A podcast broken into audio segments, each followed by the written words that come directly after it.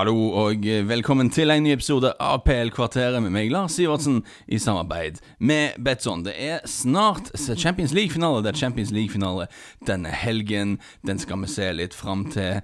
Eh, hva forventer vi fra de to lagene? Hva sier krystallkulen, osv. Eh, det det syns jeg, vi synes jeg vi må ha òg. Jeg må si eh, først og fremst, jeg liker egentlig denne finalen. Jeg, jeg liker hvordan det, det har blitt. Uh, Bayern München, beste klubblag i verden så langt i 2020 etter mine konsepter. Uh, jeg prøver å få sett en del fra de sånn største europeiske ligaene, i tillegg til å følge alt som skjer i Premier League. det går litt hardt utover liksom, de sosiale planene i helgen, men, men, det ordner seg hvis du liksom planlegger litt. Og etter mine konsepter så har Bayern München vært det beste laget i, i verden i 2020. så at de er i Champions League-finalen føles, føles, riktig som, som sådan, mens Paris Saint-Germain på sin side er i sin første finale. Og eh, jeg sjokkerer vel ingen eh, faste lyttere til denne poden om jeg sier at jeg jo ikke liker spesielt godt det Paris Saint-Germain representerer eh, som klubb, og grunnen til at de, de er der de er. Eh, sånn pengemessig og sånn, det, det syns jeg er veldig ugreit. Men hvis vi, vi setter det til siden et øyeblikk uh, Rent sportslig så har jeg jo litt sansen for de, i den forstand at eh, de har blitt litt mindre tøysete enn det de var lenge før. Og de framstår faktisk som et skikkelig fotballag den sesongen, syns jeg. Eh, og da er det jo en viss logikk i at de blir belønna med at de kommer seg til en Champions League-finale. Det er første gang de er der, og jeg tror, eh, jeg tror dette blir spennende. Og Vi må se litt på de to lagene. Og jeg, hva, hva, betyr det egentlig når jeg sier at Bayern har vært, eh, har vært best i verden? Vel, siden den 19. desember Eh, så har de spilt eh, De har spilt 29 kamper, hvorav de har vunnet 28 av de. og spilt én uavgjort. Og det, det, er da i alle turneringer i Bundesliga, i, i cup, i Champions League. Så, så har jo, de har jo vært på en helt sånn utrolig utrolig rekke her nå. Og vi har vel nevnt de litt, både når vi hadde en sånn eh, liten Bundesliga-periode der vi så mye Bundesliga, og med tanke på sånn Vi hadde en pod om at vi er tilbake i Champions League og sånne ting. Men det er et par grunner til at de har vært så gode, så har vi kanskje nevnt, men det er verdt å ta det igjen.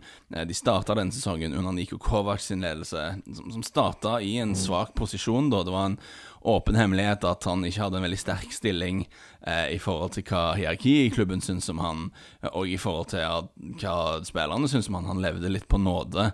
Uh, i, i, klubben fra dag én, og, og, det ble jo sagt på en måte på tiden at grunnen til at Hansi Flick uh, ble henta inn som assistenttrener, var ikke bare det at de mente han var en god assistent, men han var en fyr som man tenkte da, hvis de, måtte, hvis de skulle sparke Kovacs og hente og, og, og, måtte ha ny trener, så var Hansi Flick en fyr som kunne ta over midlertidig. Det var, det var visstnok, ble det sagt, og noe av tankegangen bak å hente han inn som assistenttrener i utgangspunktet. Og utover høsten så, så var ikke Bayern noe gode under, under Kovacs. Um, Kovacs fikk jo den jobben på grunnlag av hva han hadde gjort i Frankfurt uh, før det. Og Frankfurt presterte over evne, men de spilte ganske defensivt. Og uh, Altså Han blir jo en veldig annen type, da siden han spilte i Bayern selv. Men det er jo litt sånn kanskje David Moyes i United-vibrasjoner her, da. Er at han tok over et lag og coacha de bare på en måte som ikke passa helt. Det var ikke så katastrofe som Moyes, selvfølgelig. De vant jo strengt tatt serien i fjor. Men, eh, men, poenget er at han er litt Han er kanskje flinkere, Kovac, på å sette opp et lag som Frankfurt til å få absolutt maksimalt ut av en litt middels spillergruppe. Mens i Bayern da, så er jo oppgaven De dominerer jo stort sett hver kamp de, de, eh, hver kamp de spiller. Og det, og det, klubb, det spillerne visstnok klagde på bak kulissene, var at under Kovac så fikk de liksom ikke De fikk ikke så mye hjelp taktisk på hvordan de skulle bryte ned en motstander. Eh, og de jobba litt for mye med sånn defensivt arbeid og sånne ting som ikke, kanskje ikke var så relevant for det de holdt på med. Og spillerne følte at eh, det er Rafa Honningstein, som er veldig flink journalist og forfatter, som har hatt her på podden, eh, som sa det om at spillerne i Bayern følte at de fikk ikke nok hjelp da fra treneren. Altså de, de spiller mot lag som forsvarer seg dypt, og de trenger eh, taktiske konsepter og, og, bevegelser som de jobber med på treningsfeltet og sånne ting for, å liksom låse opp motstandere. Og det, det fikk, det, Den hjelpen kom ikke fra trenersiden, så spillerne var veldig skeptiske til det. det han ble uansett sendt ut, inn med Hansi Flick som midlertidig og, og funker mye bedre med en gang. Og, og kanskje den største forskjellen med Hansi Flick var at de begynte å presse høyt igjen, eh, sånn som de hadde gjort under Guardiola f.eks. Og eh, Thomas Müller snakket om det at, eh, at, at presset var tilbake, men han sa òg, jeg syns det er så bra sitat, at det, det er kjekkere å presse høyt når du vet at belønningen hvis du vinner tilbake ballen, at du har en sjanse med en gang, enn det er mye kjekkere da enn å presse når hvis du vinner ballen, så er belønningen at du er langt inne på egen banehalvdel, og du må liksom spille en sidepasning. Så det er, det, med, det er noe med at det krever mye fysisk å spille med høyt press, men det blir på en måte litt mer lystbetont og spennende for spillerne. Eh, det er en faktor. Og så sa òg Thomas Müller igjen som en sånn mot, motsetning til Kosteron og Kovacs. Under hans i flikk altså, Müller sa at under hans i flikk så var det som å spille med at eh, under Kovacs, beklager, så var det som å spille med at de, de, Det var som om Det var forskjellen som å å bli sendt på butikken fra kona med en sånn generell instruksjon om å, om å lage ingredienser til, om å kjøpe ingredienser til et godt måltid, mens under hans i flikk så føles det som om de blir sendt på butikken med en handleliste, at de vet nøyaktig hva for noen ingredienser de skal stappe i korga eh, når de kommer seg tilbake. Nå. Så de har mye tydelige planer, da, og det er noe spillerne liker veldig godt. Og Det er et par andre faktorer, da, selvfølgelig. Det er ikke bare dette med coachinga som gjør at Bayern har blitt så mye bedre. De har fått en skikkelig gave i, i form av Alfonso Davies som jo har blitt et fenomen, kanskje den mest spennende venstrebekken i verden. Eh, og det tror jeg ikke var noen hadde, noe folk hadde forutsett seg, egentlig. Eh, for to år siden spilte han wing for Vancouver Whitecaps i MLS. Eh, utrolig fascinerende historie, Alfonso Davies familie. Foreldrene hans er fra Liberia, men han ble født i en flyktningleir i Ghana. Eh, fikk da komme til Canada når han var veldig ung, og, og vokste opp der. Og jeg, jeg tweeta faktisk, jeg sjekket dette opp, den 30. juli 2018 så, så tweeta jeg at uh, Alfonso Davis, 17 år, født i flyktningleir i Ghana, jeg syns vi alle kan heie litt på, på han. Uh, to mål og to målgiverne nå i helgen skal til Bayern i januar. Så lager jeg sånn link til, til målene han hadde skåret. For jeg er litt sånn, sånn nattemenneske, så jeg ender opp med å se litt MLS bare for at jeg har slutt å gå og legge meg. Uh, og så, så er jeg jo sånn sjoflete sånn frilanser, så jeg trenger ikke alltid stå opp tidlig om morgenen heller. Så, så, om jeg ikke vil legge meg, så kan jeg sette på noe MLS. Og der husker jeg jo da i 2018 så at Alfonso Davies liksom herja tidvis eh, for Vancouver Whitecaps, som ikke er noe sånn spesielt bra lag. Eh, så hadde de da denne 17-åringen som var så spennende. Og det føltes som han var en del av en sånn handlerunde da, som, eh, som Bayern gjorde når de skulle erstatte Robben og Ribéry etter hvert, så de henta inn Serge Nabry. Eh, Kingsley Coman var vel der allerede når Robben og Ribéry ga seg, men, men han var en sånn ung ving som de henta inn som kunne ta over. De hadde lyst til å få inn Callum Hudson og Doy. Så det føltes liksom som om de bare henta Hvis vi henter en haug med spennende unge vinger, da, så kanskje én eller to av de slår til og blir den nye Robben og Ribéry. Og, og, det har ikke helt slått det, Ja, kanskje vi kan si det har slått til. Serge Nabri er jo veldig god.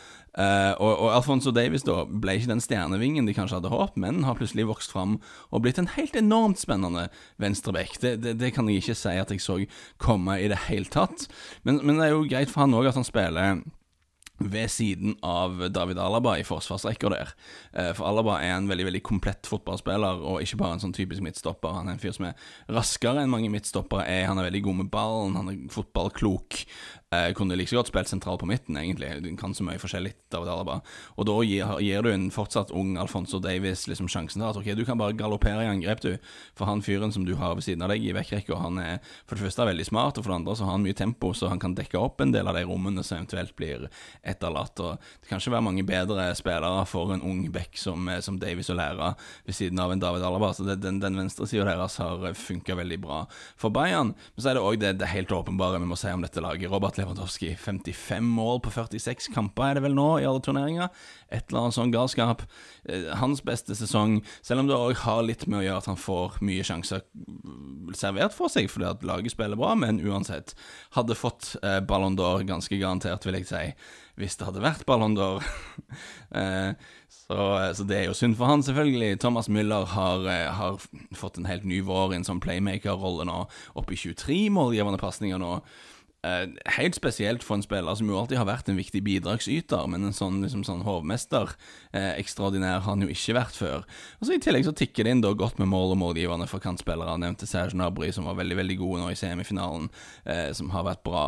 Og om det er Perisic eller Kingsley Coman som spiller på den andre kampen, kanten, kanskje Coutinho får spille litt. Du har mye kvalitet der, iallfall. Så får vi se hva som skjer bakover. Kanskje Benjamin Pavard blir frisk, det vet vi ikke helt ennå. Da kan kanskje Kimmich spille på midten igjen, Pavard ned på høyre bekk.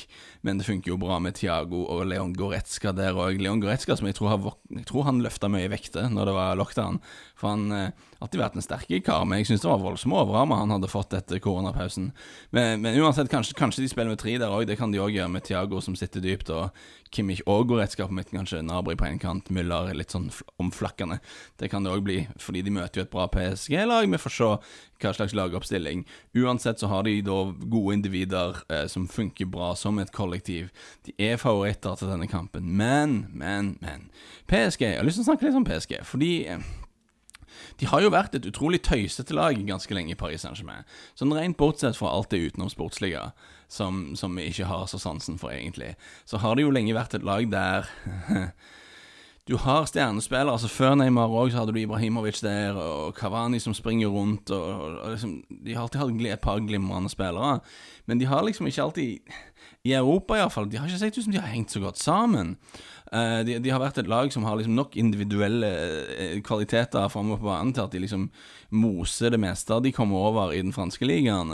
Men når det liksom kommer til den virkelig skarpe enden i Champions League, så, så, er det litt sånn usammenhengende, uh, og, og, det ser ofte det ser ofte ut som de er liksom et sånt lag der du har to-tre angrepsspillere som går og lunter rundt Odde på topp, og så er det 40 meter, og så er det resten av laget. Og det har vært litt sånn litt kvalitetsforskjell mellom topp og bunn i den, i den troppen.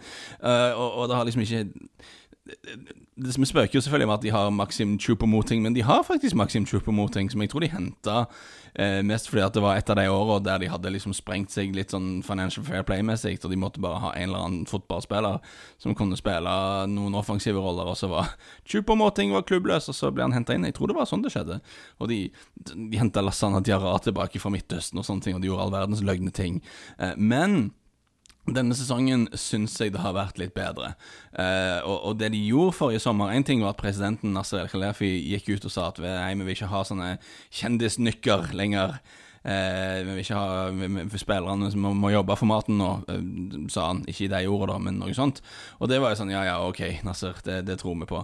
Men det, forrige sommer så henta de jo da Igjen ting jeg har nevnt på poden før, tror jeg, men de henta Idrissa Ghanagay fra Everton, de henta Ander Herrera, henta Paulo Sarabia. Ikke sånn veldig glamorøse signeringer, ikke det vi vil tenke på som typisk Paris Saint-Germain-signeringer, men spillere som rett og slett tilfører litt sånn arbeidsvilje og, og, og, og ting i, og løpskraft som de virkelig trenger i, i, i det laget. Så, så, så, det ser liksom litt sånn Det henger litt bedre sammen. Thomas Tuchel Eh, Thomas Tuchel, når han tok over, så var veldig mange skeptiske. Fordi at eh, i Dortmund så drev han og krangla med folk, og kjent som en veldig dyktig fagmann, da, mann, da en dyktig teoretiker, men, men, inntrykket etter han hadde vært i Dortmund, var at han liksom ikke kom så godt overens med folk.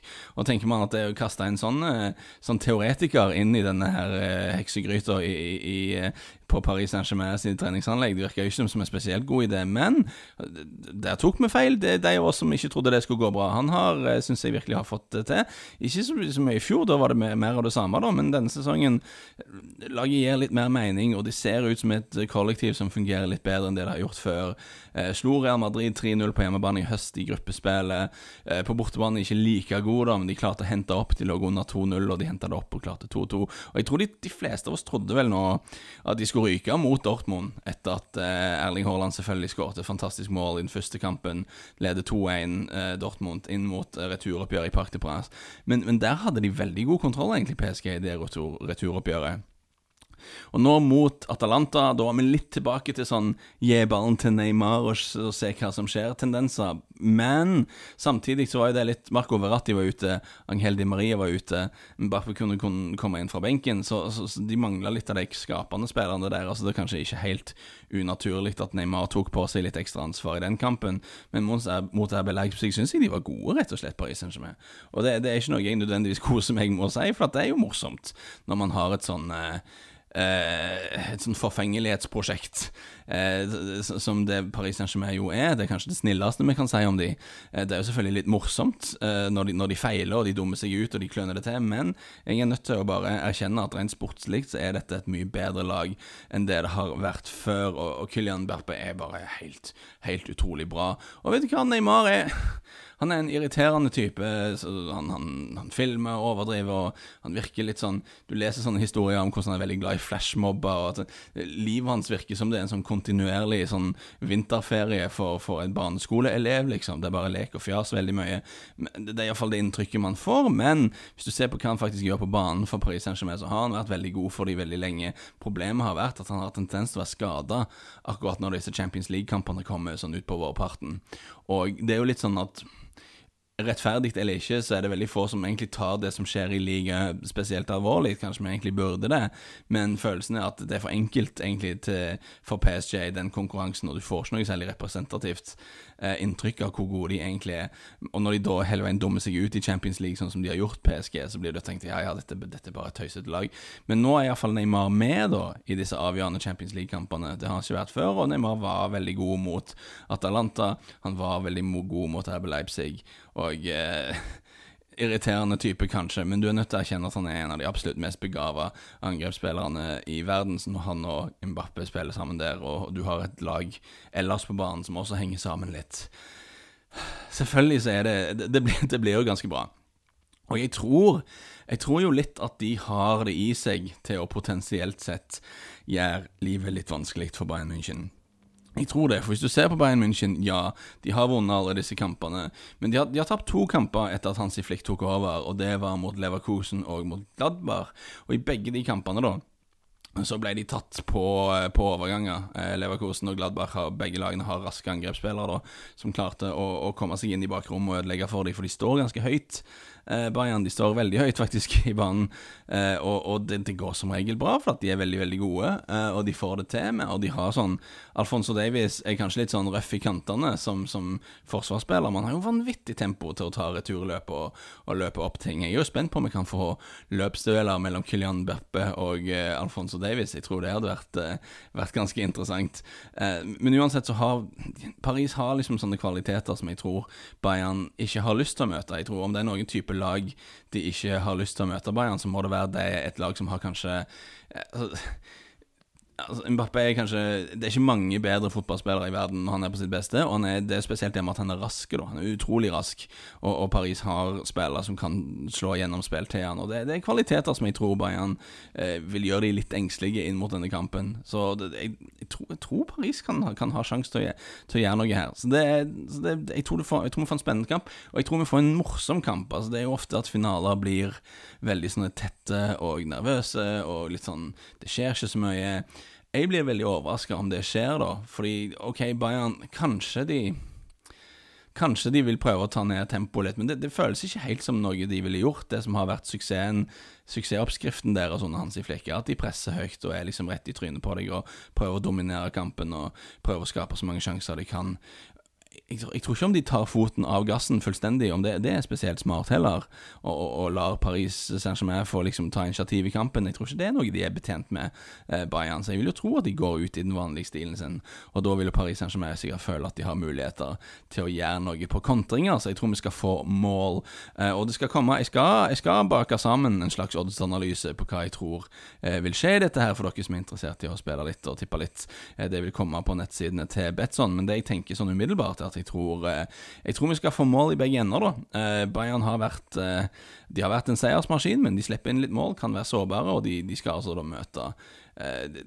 det, kan ikke være mange farligere bakromspisser i verden egentlig enn Mbappa. Så jeg klarer ikke, ser ikke for meg hvem det skulle vært. Så, så oddsen på at begge lag skårer, er jo ekstremt lav. Det er 1,37 i odds akkurat nå idet jeg tar opp dette. Og, og, da er det jo, vet jeg, på tross av alt jeg har sagt nå, da blir det jo faktisk nesten sånn at, eh, at 3,05 i odds på at begge lag ikke skårer, det er jo noe som nesten er spillbart, bare fordi historikken eh, i, i, finaler generelt er jo at de ofte blir litt tamme og kjedelige og nervøse kamper.